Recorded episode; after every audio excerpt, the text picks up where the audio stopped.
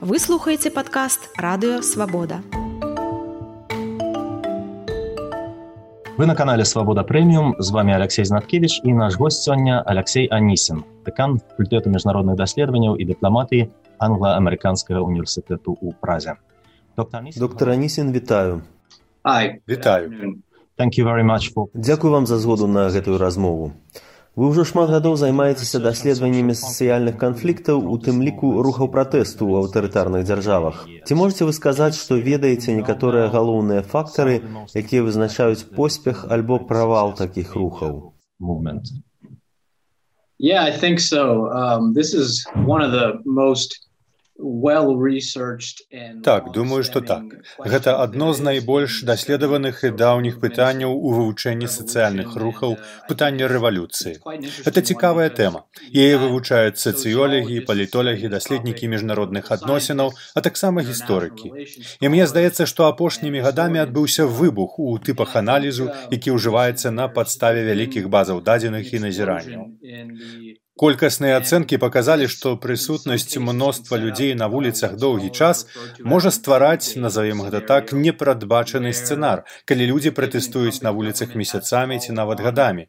Гэта ў некаторых выпадках прыводзіць да таго, што даследнікі называюць сцэнар канчатковай фазы змагання, дзе рэжыму даводзіцца ўжываць для сваёй абароны службы бяспекі або войска. І тут даследнікі пагаджаюцца, што ў такіх сітуацыях, дзе могуць адбыцца вырашальныя працэсы, ключавым фактарам робяцца паводзіны ўзброеных сіл той або іншай краіны. Калі нейкі сацыяльны рух або апазіцыйны рух здольны пераканаць прадстаўнікоў узброеных сіл адысці ад ураду і перайсці на бок пратэсту, это звычайна вызначае ці адбудзецца рэвалюцыя of the protest, then that usually uh, determines whether revolution will uh, follow. One of your studies actually deals with uh, the Адно з вашых даследаванняў тычыцца краінаў, якія былі пад камуністычнай уладай у канцы 80-х. І вы якраз разглядалі там пераход службаў бяспекі на бок пратэсту. Тэму, да якой, магчыма, не так часта звярталіся даследчыкі тых падзеяў, бо большасць з іх вывучалі сам пратэставы рух. Што вы пабачылі ў гэтым даследаванні? Што было для вас новым? Yeah, um, thanks for bringing that study up. It's a recent one, and uh, I found out a lot. The first thing was that um, Дзякуй, што згадалі гэтыя даследаванні. Яно нядаўняе і я там пабачыў шмат новага. Гэтыя важныя рэвалюцыі шмат хто вывучаў і ваша аўдыторыя ведае, што 89-90 гады былі вызначальнымі ў фармаванні посткамуністычных грамадстваў. Усе гэтыя еўрапейскія рэвалюцыі, акрамя румынскай былі негвалтоўнымі. І былі розныя стадыі, падчас якіх апазіцыйныя рухі заахвочвалі вайскоўцаў і службы бяспекі перайсці на іх бок. Я ў сваім даследаванні сцвярджаю, што гэтыя стадыі залежалі ад таго, ці прапаноўваў урад апазіцыі рэформы. Я адсачыў выпадкі пераходу на бок пратэсту як падчас першай, гэтак і падчас другой стадыі. На першай стадыі людзі выходзяць на вуліцы, это агромністы пратэст, ён цягнецца некалькі тыдняў ці месяцаў і заахвочвае прадстаўнікоў узброеных сілаў або перайсці на бок пратэстоўцаў або проста не падпарадкоўвацца загадам ураду, удзельнічаць у рэпрэсіях. Такое адбылося ў некалькіх краінах. А ў іншых краінах урад прапаноўваў саступкі рухам пратэсту і калі гэтыя саступкі не былі прынятыя, тады ўжо пачынаўся пераход на бок пратэсту ўзброеных сілаў. Цікавы выпадак Румыніі. У гэтым кантэксце ён быў адзіны, дзе апазіцыя ўжыла гвал. На вуліцах Бухарэсту была значная колькасць ахвяраў, і ў гэтым часе адбыўся пераход часткі ўзброеных сілаў на бок апазіцыі. Напэўна, частка вашай аўдыторыі ведае, што ў Румыніі была даволі крывавая рэвалюцыя у адрозненне ад усходняй нямметчыны, чахаславаччыны, Баўгары або Польшчы. revolution in the, in the Romanian case, uh, in contrast to East Germany or uh, the Czechoslovakian case or Bulgaria or Poland even. So, yeah. So uh, you have a specific article to uh, dedicated to defection from the security forces, and you looked at the factors. Адзін з вашых артыкулаў якраз тычыцца выпадкаў пераходу службы бяспекі на бок пратэсту. І вы там разглядаеце фактары, якія ўплываюць на тое, ці адбудзецца такі пераход. Тут я найперш хацеў бы спытацца, наколькі маштабным павінны быць такі пераход, каб ён лічыўся ў тым вашым даследаванні. Напрыклад, у цяперашняй Беларусі ёсць дзясяткі, а магчыма і сотні людзей, якія сышлі з сілавых структур падчас пратэстаў, калі пачаліся рэпрэсіі. Некаторыя з гэтых людзей цяпер у эміграцыі і адкрыта выказваюцца супраць ураду. Ёсць людзі ўнутры службы бяспекі, якія даюць інфармацыю, у тым ліку відэазапісы, якія відавочна былі зробленыя супрацоўнікамі службы бяспекі. Ці ў вашым даследаванні гэта лічылася б выпадкам пераходу, ці патрэбныя нейкія фігуры з вышэйшых узроўняў герархіі, каб выпадак краіны трапляў пад гэтае значэнне. point should be reached uh, at uh, higher levels of the hierarchy maybe for it yeah. to count as a defected country? Yeah, thanks for the uh, very practical and important question. So this is this is something that's uh, currently being discussed. Гэта вельмі практычнае і важнае пытанне. Якраз цяпер яго абмяркоўваюць даследнікі, якія вывучаюць гэты феномен у многіх краінах. Амерыканскія, брытанскія даследнікі спрачаюцца, якое вызначэнне можна выкарыстоўваць ва ўсясветным маштабе. Тое, што вы апісалі пра Беларусь, верагодна, будзе выпадкам пераходу. Якраз у гэтым даследаванні, якое вы згадалі, дзе разглядаецца вялікая колькасць рухаў і мадэляў пераходу сілавікоў на бок пратэсту, вызначэнне такое: ці прадстаўнікі службаў бяспекі, звязаных з дзяржавай, рвуць з ёй сувязі і публічна абвяшчаюць сваю падтрымку апазіцыйнаму руху. У залежнасці ад таго, наколькі публічнымі былі гэтыя выпадкі, іх можна класіфікаваць як пераход. Ці такіх выпадкаў шмат ці мала ўжо па-за межамі вызначэння. Было б вельмі цяжка вызначыць нейкі парог, за якім колькасць такіх пераходаў робіць робіцца рэвалюцыйнай, а да якога застаецца звычайнай. Мне здаецца, гэта тое, што маюць зрабіць будучыя даследнікі, бо можна паглядзець на гістарычныя рухі і замерыць, колькі суб'ектаў перайшло на іншы бок, хто яны былі і ад каго яны збеглі. Могуць быць рэчы, якіх мы не ведаем. Вакол пытання, якое вы задалі, якраз цяпер ідуць спрэчкі. Спадзяюся, мой адказ здавальняючы. But uh, I, I think it, your question is uh, one that is just, it's currently being uh, debated. So uh, I hope my answer was uh, satisfactory. Але самі па сабе факты пераходу сілаў бяспекі на бок пратэсту магчыма найважнейшы фактар, які дазваляе прадказваць, ці будзе пратэставы рух паспяховым. Гэта так? Very correct. That's um, it's 100% true. And uh, it's also Абсалютна правільна на сто процентаў. Таксама цікава на гэта паглядзець у кантэксце дэмакратызацыі, бо найноўшыя дадзеныя паказваюць, што дэмакратычная рэвалюцыя звычайна гэтым суправаджаецца. Узброеныя сілы пераходзяць на бок апазіцыі або выказваюць ёй падтрымку. І мне здаецца, што гэта практычны механізм, які мы павінны разумець у сённяшнім кантэксце і ў Беларусі і ў іншых месцах.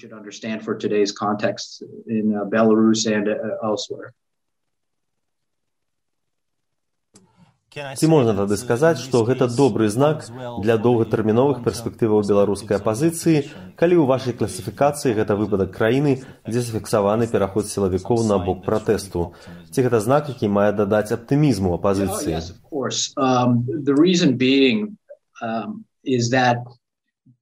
Так, вядома ж. Прычына ў тым, што пераходы могуць адбывацца ў павольнай форме. Напрыклад, нешта здараецца, і некалькі чалавек робяць гэта цягам некалькіх тыдняў. З часам гэта можа назапашвацца. Таксама могуць адбывацца так званыя бюракратычныя пераходы. Звычайна іх вывучаюць асобна, бо гэта людзі, якія працуюць у бюракратычным апараце, а не ў структуры бяспекі ці ў вайсковай структуры. Калі разам з пераходамі вайскоўцаў адбываюцца бюракратычныя пераходы, можна ўпэўнена казаць, што кіраўнічы рэжым страчвае кантроль над уладай.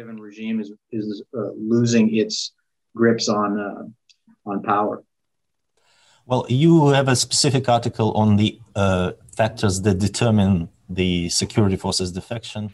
У вас ёсць артыкул пра фактары, якія вызначаюць, ці адбудзецца пераход службы бяспекі на бок пратэстоўцаў. І вы там кажаце, што няма нейкай адной умовы, якая б гэта перадвызначыла, але ёсць набор умоваў і розныя шляхі, розныя камбінацыі. Магчыма, найважнейшыя фактары, бо яны прысутнічаюць у чатырох з пяці мадэляў, гэта маштаб пратэставага руху і тое, што вы называеце адваротны вынік рэпрэсій. Калі яны выклікаюць яшчэ маштабнейшыя пратэсты.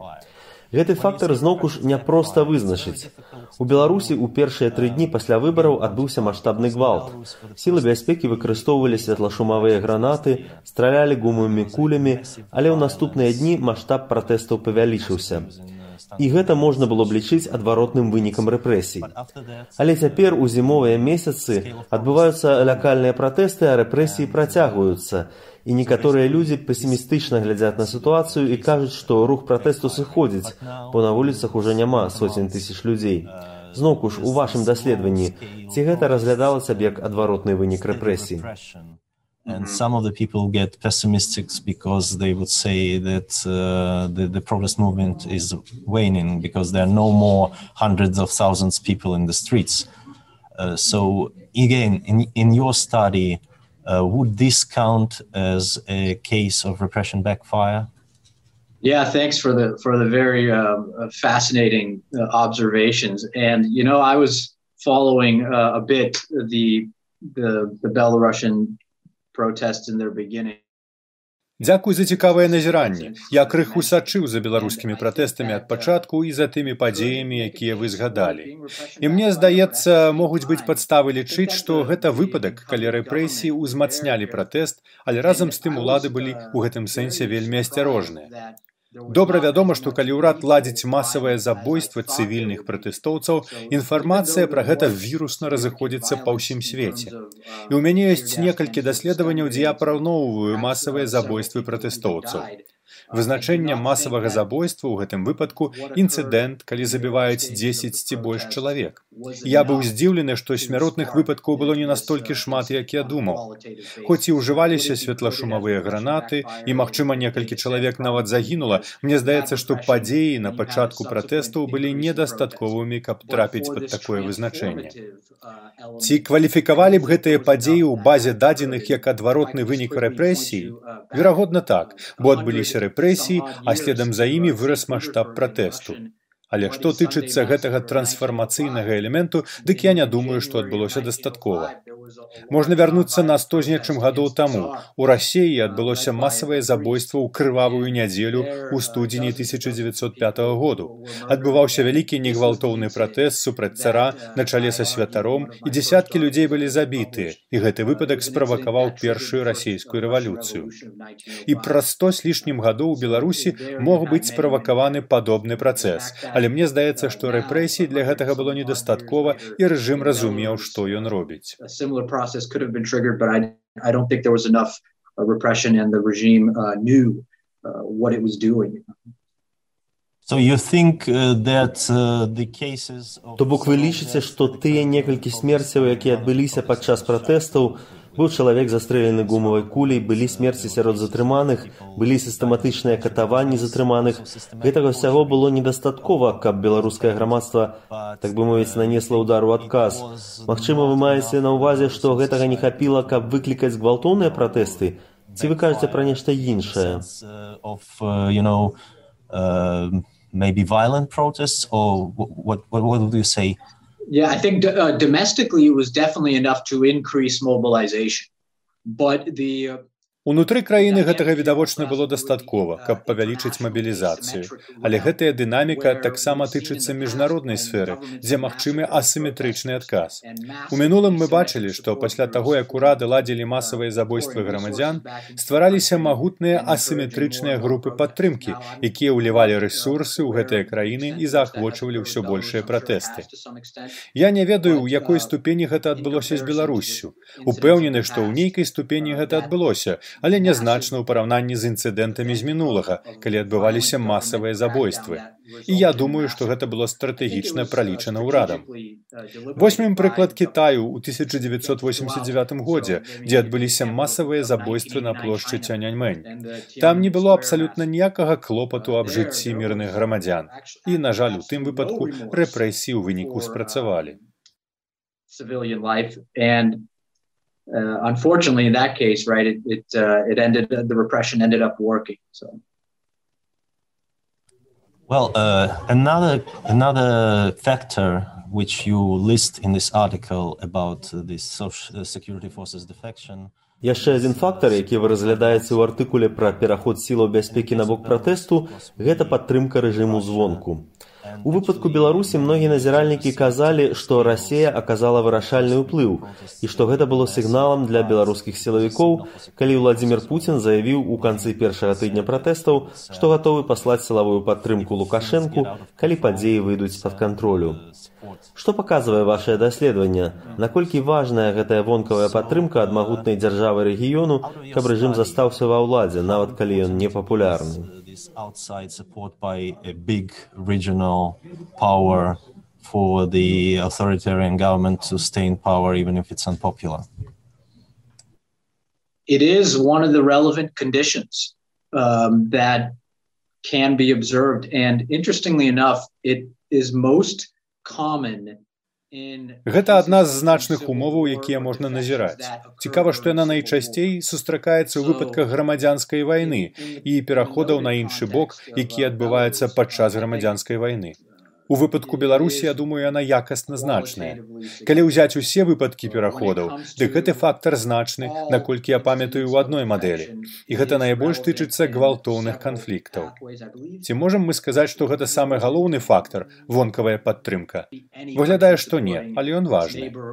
Мы павінны таксама браць пад увагу, што калі мы вывучаем такую пераменную у колькасных даследаваннях, пад вонкавай падтрымкай маецца на ўвазе не толькі падтрымка з боку суседняй з звыш дзяржавы або вядучай сусветнай дзяржавы, але гэта можа быць любы набор краін, якія падтрымліваюць іншую краіну. Таму той факт, што расійская ўлада выказвала падтрымку цяперашняму беларускаму ўраду, уплывае на стратэгічнае планаванне не толькі пратэстоўцаў, але і цяперашніх службаў бяспекі ў Беларусі. Бо яны ведаюць, што калі захочуць перайсці на іншы бок, іх могуць замяніць іншымі людзьмі і яны могуць дорага за гэта заплаціць. У думках супрацоўнікаў сілаў бяспекі заўсёды прысутнічае пакаранне. Іх рашэнні заўсёды залежаць ад стратэгічных разлікаў, што адбудзецца ў будучыні. strategic calculation of what will arise in the future. One of the things that you mention in this study and also in the other studies is that maybe uh, Адна з рэчаў, якія вы згадваеце ў гэтым даследаванні, а таксама ў іншых, гэта тое, што важнасць менавіта негвалтоўнага супраціву для поспеху пратэстаў можа быць перабольшаная. Бо вы паказваеце, што для пераходу сілавікоў значэнне можа мець найперш маштаб пратэсту, а не яго негвалтоўнасць. Але ці дастаткова ёсць маштабных гвалтоўных пратэстаў, бо некаторыя даследчыкі могуць сказаць: так, сама па сабе негвалтоўнасць не вызначальны фактар, але яна дазваляе далучыць да пратэсту больш людзей.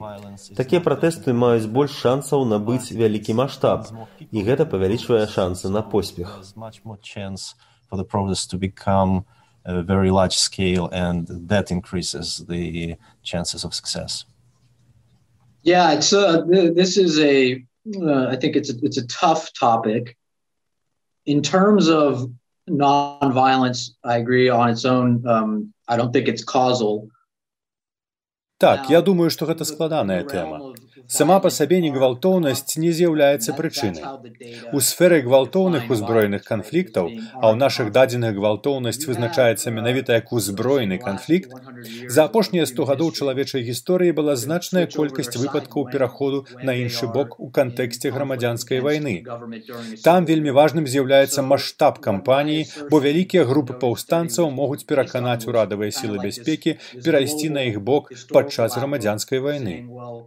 Маё цверджанне ў згаданым даследаванні грунтавалася на глябальнай гістарычнай перспектыве. Шмат якія пераходы на іншы бок адбываліся падчас грамадзянскіх войнаў. Вяртаючыся да пытання памераў, негвалтоўны супраціў павінен ужывацца ў вельмі вялікім маштабе. У іншым сваім даследаванні я разглядаў сумесь негвалтоўнага супраціву з няўзброеным гвалтам такія рэчы як бунты паленне машынаў спробы захапіць парламент. Гэтыя стратэгіі таксама граюць значную ролю сумесь негвалтоўнасці і няўзброенага гвалту. These strategies are also very significant. So a mixture of nonviolence and unarmed violence. And uh, i'm just saying this based And when you say significant, what does А калі вы кажаце пра значную ролю, што вы маеце на ўвазе? Што яны павялічваюць імавернасць поспеху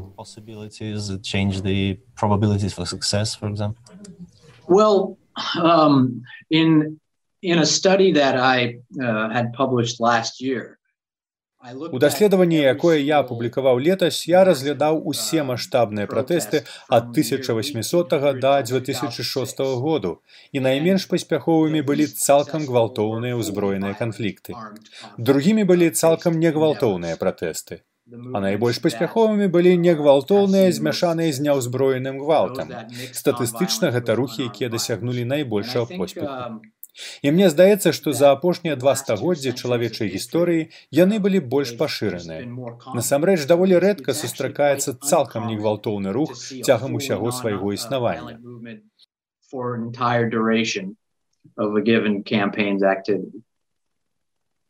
Акрамя пераходу сілавікоў, якія іншыя фактары найбольш вызначальныя для поспеху рухаў пратэсту супраць аўтарытарнай улады. Oh, that's a that's a tough question. Um, I think uh, Гэта складанае пытанне. Я думаю, сацыёлігі ў сваіх тэорыях даўно паказалі важнасць мабілізацыі рэсурсаў. Чым больш рэсурсаў апазіцыйны рух можа здабыць і выкарыстаць, тым большыя шансы на поспех. Здабываць рэсурсы і выкарыстоўваць іх, каб будаваць уласныя інстытуцыі, гэта важны фактар. Uh, that's an important factor. Uh, Наполеон нібыта казаў, што на штыхах немагчыма сядзець. Ці вашыя даследаванні гэта пацвярджаюць, ці яны паказваюць, што часам непапулярныя рэжымы насамрэч могуць доўга захоўвацца выключна на рэпрэсіях з боку сілаў бяспекі. Ці ім ўсё ж патрэбныя і іншыя фактары, каб застацца ва ўладзе. Yeah, that's uh, yeah, you're you're uh, you're sending some good questions this way. Um, Вы ставіце мне маштабныя пытанні. Я думаю, тут вельмі складана абагульняць. Але калі тыя самыя людзі застаюцца ва ўладзе некалькі дзесяцігоддзяў і няма механізму пераходу ўлады, дык у людзей ва ўрадзе няма разумення, што будзе, калі нешта здарыцца з лідарам ці з групай лідараў. І калі людзі ва ўрадзе ведаюць, што іх лідар галоўная фігура, якая рэпрэзентуе вялікую структуру, яны робяць усё магчымае, каб яго падтрымаць. Бо яны ведаюць, што хто б не прыйшоў потым, адбудуцца радыкальныя змены. possible to uh, support it because they know that whatever will come after will be radically different.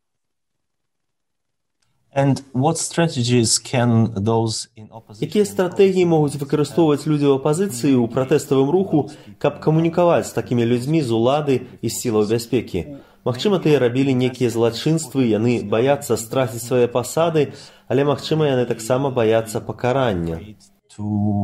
lose the position, but also they're afraid of reprisals. Yeah, I think uh, having a leader um, or a set of leaders that can negotiate on behalf Я думаю, важна мець лідара або некалькіх лідараў, якія могуць весці перамовы ад імя апазіцыйнага руху. Не толькі ў сэнсе нейкай іерархічнай структуры, якая прымае рашэнне, але і для таго, каб мець магчымасць зрабіць нейкую угоду. Бо часта ўлады спрабуюць прапанаваць нейкія саступкі і ў апазіцыі павінен быць спосаб эфектыўна працаваць з палітычнымі выклікамі і палітычнымі магчымасцямі. Але гэта ўжо вядзе нас у тую сферу даследаванняў канфліктаў, якая, на маю думку, недастаткова распрацаваная торгу паміж пратэстам і дзяржавай. Right, uh, protest state bargaining. У доўгатэрміновых кампаніях пратэсту ці можаце вы назваць нейкія паспяховыя стратэгіі, каб мінімізаваць рэпрэсіі? Yeah, that's, um, that's it's a great point. Um, I think from from the research that has been done on this topic, Даследаванні на гэтую тэму кажуць пра важнасць уласных структураў для камунікацыі. Гістарычна гэта было стварэнне радыёстанцыі, доступ да тэлевізіі, друкаваныя выданні, улёткі газеты. У сённяшнім свеце гэта сацыяльныя сеткі. Гаворка пра спосабы камунікацыі з вонкавымі аўдыторыямі. Як пазнаёміць людзей не толькі ў краіне, але і ў рэгіёне, а таксама шырэйшую міжнародную аўдыторыю з тым, што адбываецца ў краіне, на погляд тых людзей, якія ўдзельнічаюць у намаганнях, каб дабіцца грамадскіх зменаў. that are participating uh, in a journey to bring about social change. Дзякуй вялікі за гэтую размову і за ваш час.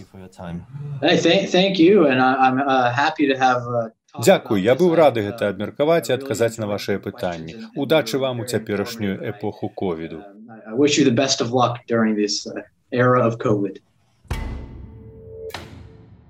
Гэта быў падкаст радыёвабода. Слухайце нас на ўсіх падкаст-платформах і на сайце свабода кропка орг. Хочаце ведаць, што адбываецца?